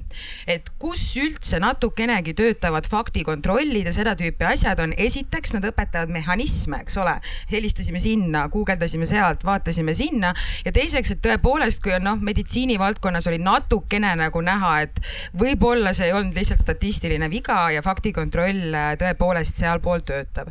aga on olemas ju sihuke asi nagu tagasilöögi efekt, eks ole, kui keegi tuleb ja ütleb meile, et sa oled uskunud midagi, mis on absoluutselt vale, siis meie esimene reaktsioon ei ole ju mitte kunagi, issand, kui hea, et sa mulle tulid seda ütlema. meie esimene reaktsioon on vaenulik ja see on arusaadav, mistõttu ideoloogiliste sõnumite planeerimine tõenäoliselt ei ole mõistlik ja kui nad üldse hakkavad tööle, noh, sõja ajal Ukrainas ideoloogilisi sõnumeid levitada on, on nagu lihtsam väheke kui praegu näiteks Eestis.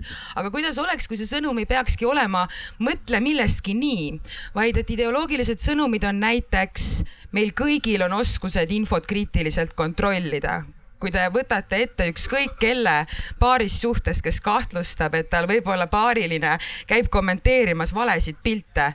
kõik järsku tahavad teada saada, kuidas Instagramis seda funktsiooni kasutada, aga kui ma ütlen, õpime Osinti, kui äge, te saate igasugust infot kontrollida, kedagi ei huvita.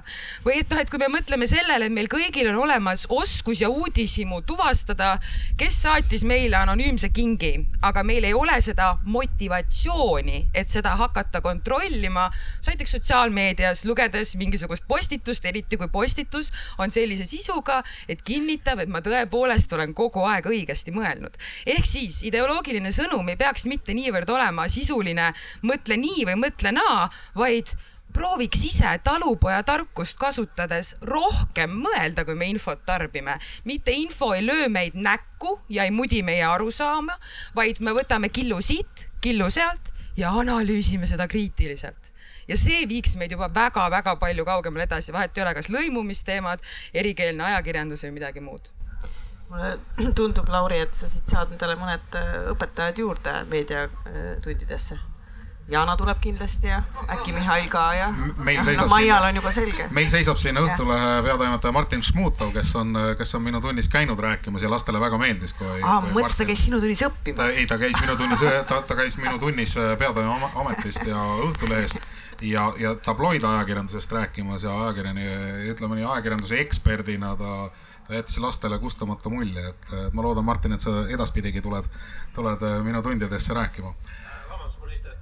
Aga vajuta nuppu. kohe tulen, uurin seda asja, vaatame, vaatame. mis mõtlesid, no nii. kõigis kätte. nii. Wonder Woman. kahjuks ei ole nii lihtne, et võtan siit, võtan sealt, hakkan analüüsima. kui te vaatate need vandenõuteooriad, nad täpselt seda teevad, võtavad siit, võtavad sealt ja, ja selline, kui te loete vandenõuteoreetikute äh, neid, seda meediat, aga mina olen seda teinud aastakümneid ja mul ilmub varsti raamat kaasautorluses oma õpilastega, et seal on selline leitmotiiv. mõtle ise, ära lase ennast vot peavoolumeedial mõjutada, et see rahvas, ärkage üles, vaatage seda tõtt, analüüsige ise bla, bla, blablabla. see analüüsimine ei ole lihtsalt selline sõna. see, see vajab ka tõed, tõde vajab tuvastamist ja selle jaoks on kindlad metoodikad, aga mitte lihtsalt, et võtan siit ja sealt, kombineerin kokku. ja muidugi me kombineerime kokku sellist pilti, mis sobib meie äh, intuitsiooniga. Jah, ja me teame, et vot väga hästi sobib, väga hästi seletab, et tegelikult seal on need salajased jõud, seal on süvavalitsus, kes äh, tege, tegelikult juhib. no pange tähele, rahvas, miks me elame halvasti miks me ei ela nii hästi nagu me. ja see ei ole niisama, seda nad teevad. jah,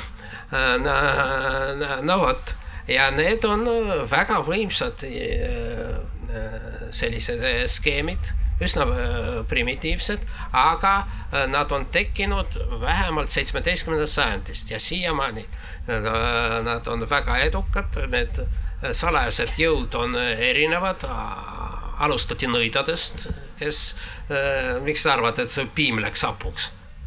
iseenesest läks ahah, lihtsameelne äh,. nii, nii, nii, või su peigmees äh, äkki hakkas vaatama teist, no selge, seda ta nõiuti. siis olid jesuiidid, siis vabamüürlased ja nii, edasi ja nad siiamaani kõik on, kaasa arvatud nõiad ärge arvake, et need on kuskile kadunud ja, ja need, äh, ega vabamüürlased ka tegutsevad ja, ja, ja, ja nii edasi. see, need on väga lihtsad skeemid, mis seletavad väga palju.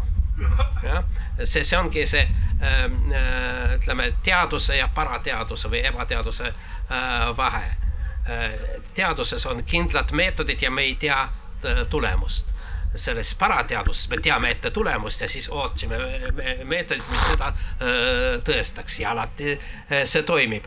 nii et kuidas nüüd ka kasvatada lugejat, ma ei tea, kas see on, kas see on üldse meedia eesmärk, kasvatamine. meedia eesmärk on informatsiooni toomine, see, need väga halb, kui Äh, meediaväljaanded ise levitavad äh, vale või kontrollimata informatsiooni ja seda pidevalt juhtub ka Eesti meedias ja hiljuti ma äh, nägin hästi mitu sellist halba näidet. Aga mis puudutab seda, et äh, sõja ajal on lihtne, me võime Ukraina äh, neid äh, ütleme sõnumid kriitikavabalt võtta, sest see on vale ka neid tuleb väga kriitiliselt võtta, see sõjaõudu ei ole kusagile kadunud. ja me teame, et seal Ukrainas on vallandatud inimõiguste volinik, kes liialdas informatsiooniga. Me teame, et Ukrainas on väga palju naisi vägistatud, aga tema tõi, suurendas neid arve ja kuulujutte esitas faktidena. Kui seda Ukrainas äh, ei lubata, siis meie peame äh, ka väga kriitiliselt suhtuma kõikesse, mis tuleb ka Ukraina poolt nii, kommentaar Laurile, muidu tõuseb püsti. ma siiski pean täpsustama, et äh, meedia ülesanne on ka harimine, et lisaks informeerimisele on meedia ülesanne ka, ka meelelahutamine. Lenin ütles seda, jah. aga harimine on ka meedia ülesanne, see ei ole, see, see on meediateooria õpikutes kirjas ja, ja ja ma arvan, et see harimise funktsioon meedias on äärmiselt oluline, et me ei saa seda, me ei saa seda mitte kunagi unustada.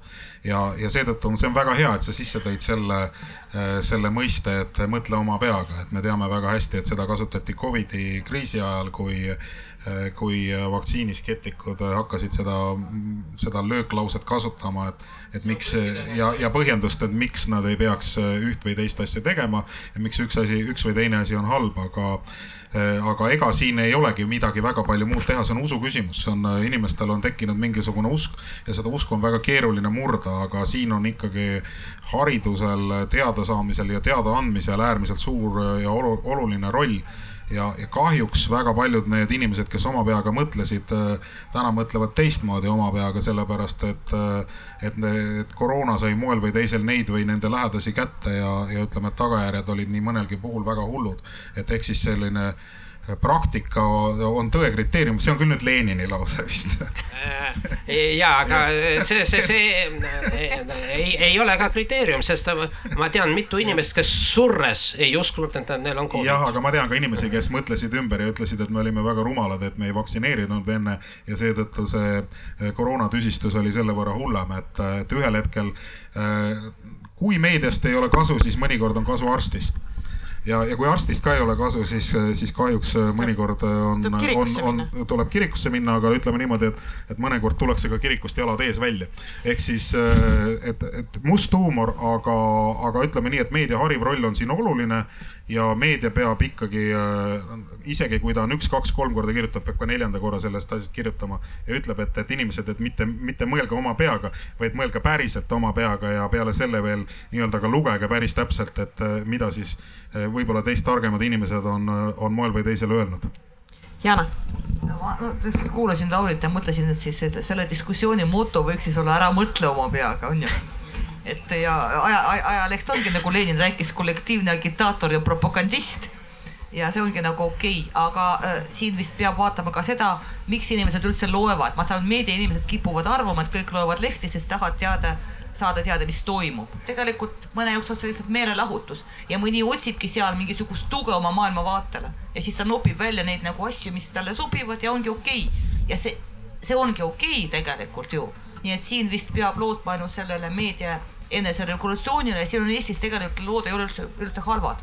meil on ikka töötav see meediakoodeks ja mina, kas ma kuritarvitan seda oma õigust kogu aeg anda sisse kaebused, ma olen täitsa rahul sellega, et süsteem tegelikult töötab aga noh, ma, ma nagu suurt traagikat ei näe, et mõni loebki seda, noh. Birgitte Susanna Hunti, las ta loeb siis. lihtsalt ja ma ei ole nõus sellega, et meedia peab harima, meedia peab informeerima. Seda, kes tahab olla informeeritud. klassikalise kontseptsiooni järgi siiski meedia peab ka harima. See, see ütleme nii, kui me täna vaatame ka ERR-i äh, tegevussuundi, siis ütleme haridus ja ja harida, harimise funktsioon on, on seal väga tugevalt sees ja muuseas, ma soovitan kõigil vaadata ka ERR-i portaalist, otsida üles, seal, neil on seal selline meediahariduse rubriik, kus nad räägivad valeuudistest, mõjutustegevusest, millest iganes. et, et seal on väga ilusad, vahvad videolood selle kohta, kuidas ühte-teist ära tunda, kuidas me peaksime nende suhtes käituma ja nii edasi. selline harimine on äärmiselt oluline ja ma usun, et nendel lugudel on täiesti oma publik ja vaatajaskond olemas ja kui kuskil mujal neid neid enam ei vaadata, siis ma oma koolitunnis neid õpilastele ikka näitan hästi lühike, Jana ja siis tahan öelda, et me oleme seda uurinud ka Euroopa Parlamendis. ainuke meedia, kes saab endale seda luksust lubada, on riiklikult finantseeritud meedia. erameedia lihtsalt ei saa seda endale lubada, sest erameedia elab klikkidest ja harimisega sa klikke ei saa. nii, Mihhail mul ei ole mitte midagi harimise vastu, aga sees peavad olema äh, hariduse rubriigid, teadusuudised, haridusuudised ja nii edasi. aga kui äh, ma, hakkan sind äh, harima niimoodi äh, salakaubana, et äh, teatan sulle, kuidas seal äh, ütleme äh, Ameerika majandus elab, aga samas ma püüan sind harida mingisuguses teises valdkonnas, see on vale, see on nagu ideoloogiaga, ideoloogia peab olema selgelt välja toodud, nii ka haridusprogrammid, haridusportaalid on väga olulised, aga nad peavad olema õige nime all, aitäh kuulge, lõpetuseks, meil on veel veerand tundi jäänud, väike teemaarendus, et me oleme päris palju rääkinud meediakriitilisusest, sellest oskusest, aga läheme kuidagi ikka noortesse, et kuidas see kooliharidus peaks olema. aga meil on vaatan siin ringi, ma arvan, et päris palju ka kuulajaid siin, kes äh, ei käi enam koolis või võib-olla isegi ei lähegi kunagi enam kooli. Et äh, kuidas me tõstame nende inimeste meediakriitilisuse oskust, uudiste lugemise oskust, kes ei satu enam õpetaja, kes ei lähe Lauri tundi et kas me pea, kas siin on mingisugune lahendus olemas, mida saab riiklikult teha, kas me teeme uue tiigrihüppe, õpime lugema koos või, kriitiliselt? Ma võin äh, sellega muidugi lohutada, et see tegevuskava on tulemas, on äh, tulnud äh, läbi raskuste, aga on tulemas. ja, ja siin loomulikult kellelgi ei olegi ju eeldust, et meil oleks võimalus kõik Eesti riigi kodanikud kutsuda meediaõpetuse tundi, kutsuda ühiskonnaõpetuse tundi ja minna tagasi nulli, et see küsimus peab olema selles, kuidas saada teadmine formaalharidussüsteemist väljapoole. Ja seda me oleme ju tegelikult teinud paljude erinevate sotsiaalkampaaniatega näiteks ma ei tea, turvavöö kasutamine tagaistmel.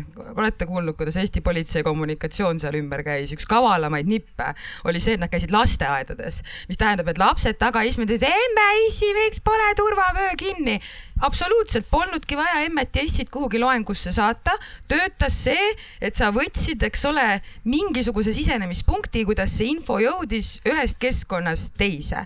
ja, ja siin on kindlasti hästi oluline roll sellel, et esiteks meil oleks võimalus pakkuda, eks ole, ja et meil oleksid olemas äh, hästi haritud õpetajad, kes viitsivad sellega tegeleda. praegu paljud seda valikkursust õpetavad ju eesti keele õpetajad, kes ei taha tegelikult sellega tegeleda, see on lisatöö ja, ja nii edasi, et need on ühelt poolt nagu ressursid ressursid, äh, ressursid, eks ole, meil on keskkond, aga me ei tohi ära unustada ka seda, et teadmiste ja oskuste kõrval meil peab olema motivatsioon. me peame aru saama, et näiteks valeinfot sotsiaalmeedias kohates ja sellele reageerides me tegelikult käitume nagu vastutustundlikud ja julged kodanikud ja seda võiks julgustada. või näiteks, et asjade analüüs ei pea olema ainult akadeemilise eliidi oskus ja pärusmaa. mina absoluutselt olen seda meelt, et ka mina ise olen viimased viis aastat valesti õpetanud meediaõpetust. ma olen inimestele õpetanud kolmetunniseid faktikontrolle nii pikalt ei tööta ühe faktikontrolli loo kallal ilmselt ka faktikontrollijad ise. see ei ole realistlik ootus praeguse infokeskkonna juures ja meie enda tarbimisharjumuste juures. nii et mina kahjuks esindan nüüd jah, seda vaatenurka, kus ma ütlen, et ideaali me ei saavuta, meil on vaja tekitada esmaabikomplekt. kõikidel on käes telefonid, kõikide vanaemad võivad minna ropendada Delfi kommentaariumis nagu süda lustib ja siis pärast öelda, et nii nõme, mu tööandja teada sai, mul polnud aimu aimugi, et see oli kõik avalik ja meie peame mõtlema kõik ühiselt, kuidas me sinna panustada saame. aitäh, äh, ma nüüd lasen teid korra puhata ja võtame küsimuse publikult. no mingi üheks minutiks saate puhata tere, ma tahtsin küsida teie arvamust sellise teema kohta, mis minul kodaniku ja enam-vähem noore inimesena on südamel. ja see seondub konkreetse inimesega just ERR-ist, nimelt Anvar Samost et äh, mina ise tunnen, mina ei usalda ERR-i veebiportaali uudiseid või vähemalt sealjuures on minu jaoks küsimärk, sest mina tunnen, et seda juhib inimene, kellel on üpris ekstreemsed vaated. et ma jälgin teda sotsiaalmeedias, ma kuulan tema saateid ja ma näen, et inimene, ta ei usu või vähemalt ta seab väga suure kahtluse alla kliima soojenemist, tal on suhteliselt ekstreemsed vaated LGBT küsimustes ähm,. Anvar Samost jah ja ta ka näiteks ei usu, nii mina olen aru saanud selle, selle, selle, sellesse, et mask koroona levimise vastu äh, aitab ja ma arvan, minu jaoks on need ekstreemsed vaated, minust nooremate inimest, inimeste jaoks on need nagu eriti ekstreemsed vaated. ehk siis ma kasutan seda võimalust meie poliitikutega seda arvamust jagada, et, et minu jaoks on see suur murekoht, et nii oluline organisatsioon on sellises olukorras. kuidas on? Liiga isikupõhiselt, põhist lahkamist ei tahaks teha siin, aga. mina aga..., kui, kui, kui ma laiemalt analüüsiks, et, et kuidas, kuidas hinnata inimeste tegevust ajakirjanduses, et siis mina lähtun alati, alati kahest kriteeriumist, et üks on inimese tegevus uudis uudiskajastuste läbiviimisel, kas see on, kas see on tasakaalus, kas see on objektiivne, vaatan kõik need kriteeriumid läbi ja et uudiste kajastamine ja uudiste kajastus peab kindlasti olema, lähtuma kõikidest nendest olulistest kriteeriumidest, millest üks objektiivne uudiskajastus peab lähtuma. kui me räägime nüüd nagu arvamusformaatidest, et siis need on kindlasti palju laiemad ja seal võib inimene oma, oma isiklikku arvamust äh, avaldada ja ma arvan, et, et kuna, kui meil on siin räägitud ka sellest, et et, et, et Eestis on, Eesti on üks kõige kõrgema sõnavabadusega riike, et siis kindlasti inimestel on õigus oma, oma isiklikule arvamusele, et et, et seega äh, kindlasti ühel hetkel jah, on nii-öelda loomulikult sellised väga selged nagu organisatsioonilised eesmärgid, mida siis pikemalt äh, moel või teisel taotletakse ja mis on, äh, mis on organisatsiooni eesmärgid, aga, aga, aga laias laastus ma julgen küll arvata, et et, et täna otseselt mingisugust nagu väga selget vasturääkivust noh, nii-öelda, nii-öelda selle sõnavabaduse organisatsiooni väärtustega, et, et, et ka konkreetse juhtumi puhul mina ei ole küll, küll tuvastanud. kas tahab keegi midagi lisada? lihtsalt teate, mul on üks tuttav äh, äh, venelane, kes pole elu sees lugenud Puškinit, kuna Puškin pettis oma naist. et ta oli halb inimene, ta pettis oma naist ja vaata, ta lugema ei hakka no nii võib ka nagu käituda, siin seisab puu juures Martin Šmutov, keda mulle näidati lahkesti. ma tegelikult arvan, et Õhtuleht on üks parem Eesti ajaleht, aga kui ma loen Šmutovi kommentaare sotsiaalmeedias, ma vahest tahan ta ära blokkida. sest no annab üldse sellist idiootsust kirjutada, on ju. aga ta kuidagi suudab need teha kahe käe, kahe käega, nii et mind nagu ei sega, kui ma loen tema lehte ja ma soovitan teile teha sama see on võib hea, et sul on kriitiline lugemisoskus siis, et sa saad aru, et sellist jama ei pea taluma, onju. aga võib-olla see kokkuvõte võikski siin äh, olla, ma oleks ka kultuuritegelasi kohe näiteks toonud, et see on ju ka pikk küsimus, et ma ei tea, see, et ma klassiõhtul esimest korda tantsisin aeglaselt äh, toreda laulu saatel versus kümme aastat hiljem selgus, et toreda laulu autor on lapsepilastaja. kas ma saan laulu nautida või mitte, aga vaata erinevalt kultuuritegelastest, mis mind ennast isiklikult lohutab, kui ma näen, et mõned äh, ajakirjanikud ajakirjanikud käituvad eraeluliselt hullumeelselt ja kahtlustan, et see võib äh, mõjutada nende tööd. et äh, ma enamasti mõtlen ikkagi sellele, et ajakirjanikel on tsunfti käitumisnormid ja reeglid. et kui me jätame isegi kõrvale pressinõukogu, kõige hullem asi nagu see, et lugejad sulle kirjutavad ja ütlevad ah,, eesti keele grammatikast pole kuulnud, sest üks, eks ole, kirjaviga on sees. see ei ole midagi võrreldes sellega, kui sinu toimetuses sinu poolt nagu äh, noh, auväärne ajakirjanik tuleb ja ütleb, et kuule, äkki oleks võinud mõelda mõelda enne avalikustamist, on ju. ehk siis äh, ma arvan, mis minu jaoks siin eristab, on ikkagi see, et ajakirjanikud ise kontrollivad nii palju üksteise tööd ja peegeldavad nii palju seda üksteisele tagasi, et, et noh, täiesti hulluks ei saa ikkagi ühegi Eesti meediaväljaande peatoimetaja minna, ükskõik mis ideoloogiliselt toimumas on et äh, ma loodan, et selle arutelu tulemusena siis Martin teeb mõned, äh, mõned viisakamad Facebooki postitused mul on tunne, et me oleks pidanud siia istuma kutsuma. aga mis puudutab selliseid äh, kaheseid või vastand, vastuolu või vastandlikke või nii-öelda vastasseisulisi formaate, et seal, seal tulebki, tulebki leida see see tasakaal poolt ja vastu argumentide vahel, et, et seega on sageli üks, üks põhjus, miks, miks ma olen ise teinud ka väga, väga pikalt, ligi kaheksa aastat Rahva teenrite saadet ja, ja seal tuli ka leida kogu aeg see vastandumise koht ja üsna sageli ma seisin seisukohtade eest, mida ma ise tegelikult ei kaitsnud äh, oma hinges, sellepärast et, äh, et lihtsalt selleks, et tekitada diskussioon, ajakirjanik peab sageli tulema oma naast välja ja seisma ka võib-olla mingisuguse teise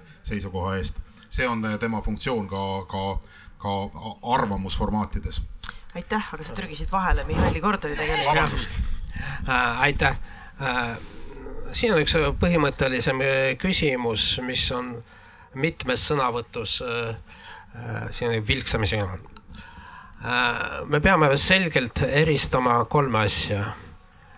faktid, teadmised ja arvamused. Need on kolm eri asja ja kui me esitame fakte, seal ei tohi olla ei pedagoogilist ega ideoloogilist kõrvalmaigu. kui me esitame teadmisi siis äh, need on ka, ei sõltu sellest, äh, kes neid esitab. me tavaliselt me ei mäletagi, kes oli füüsikaõpiku autor.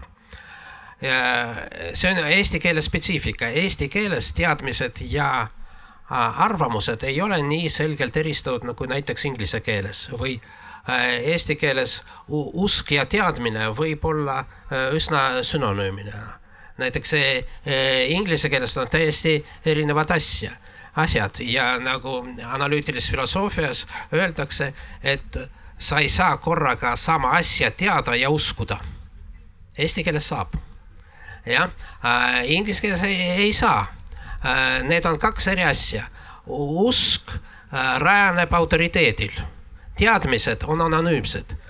kaks pluss kaks on neli, kes sulle ütles, ei ole oluline sellise te teadmiste puhul ei ole oluline, kes ütles. oluline on see, et nad on kontrollitavad ja tõesed. Aga arvamuste ja uskumise, seal on väga oluline, kes seda öö, ütleb. Ja vot ma ei tea, kui nüüd tulla see ERR uudiste juurde, ma ei tea, kas seal ta esitab oma uskumusi või ta esitab oma öö, neid mingisuguseid teadmisi. see, see on küsimus, ma ei tea vastust, ma ei ole nii põhjalik ERR-i lugeja. aitäh meie aeg hakkab otsa saama, seega ma lõpetuseks küsin üsna konkreetse küsimuse, millele te saate vastata jah või ei. kas aastal kaks tuhat viiskümmend Eestis on venekeelne meedia, mis on Eestis loodud venekeelne meedia? jah või ei? jah, ja, ja tõenäoliselt äh, ta, ta ei ole väga suur, aga ta on olemas. Maia jah, jah, aga võib-olla mitte tingimata uudismeedia, vaid midagi seksikamat, mingi niisugune noh, Tiktoki sarnane asi näiteks. tead, on selline anekdoot, et vene keel on ainuke keel, võib-olla pole ainuke, pole kontrollinud, aga vene keel on ainuke keel, kus eitavat vastust saab kolme jahiga ja kõlab see niimoodi. no da, konješna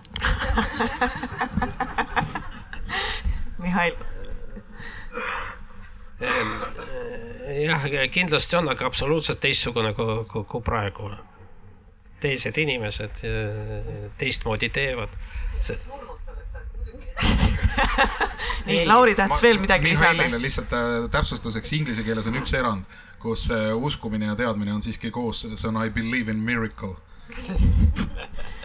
aitäh, nii tänasel arutelul osalesid äh, Birgitte Susanne Hunt, Solovjov, Martin Šmutov Mihhail Lotman, Yana Toom, Maia Klaassen, Lauri Hussar, modereeris Annika Arras, aitäh teile. selge see, et ega kõike kõike teha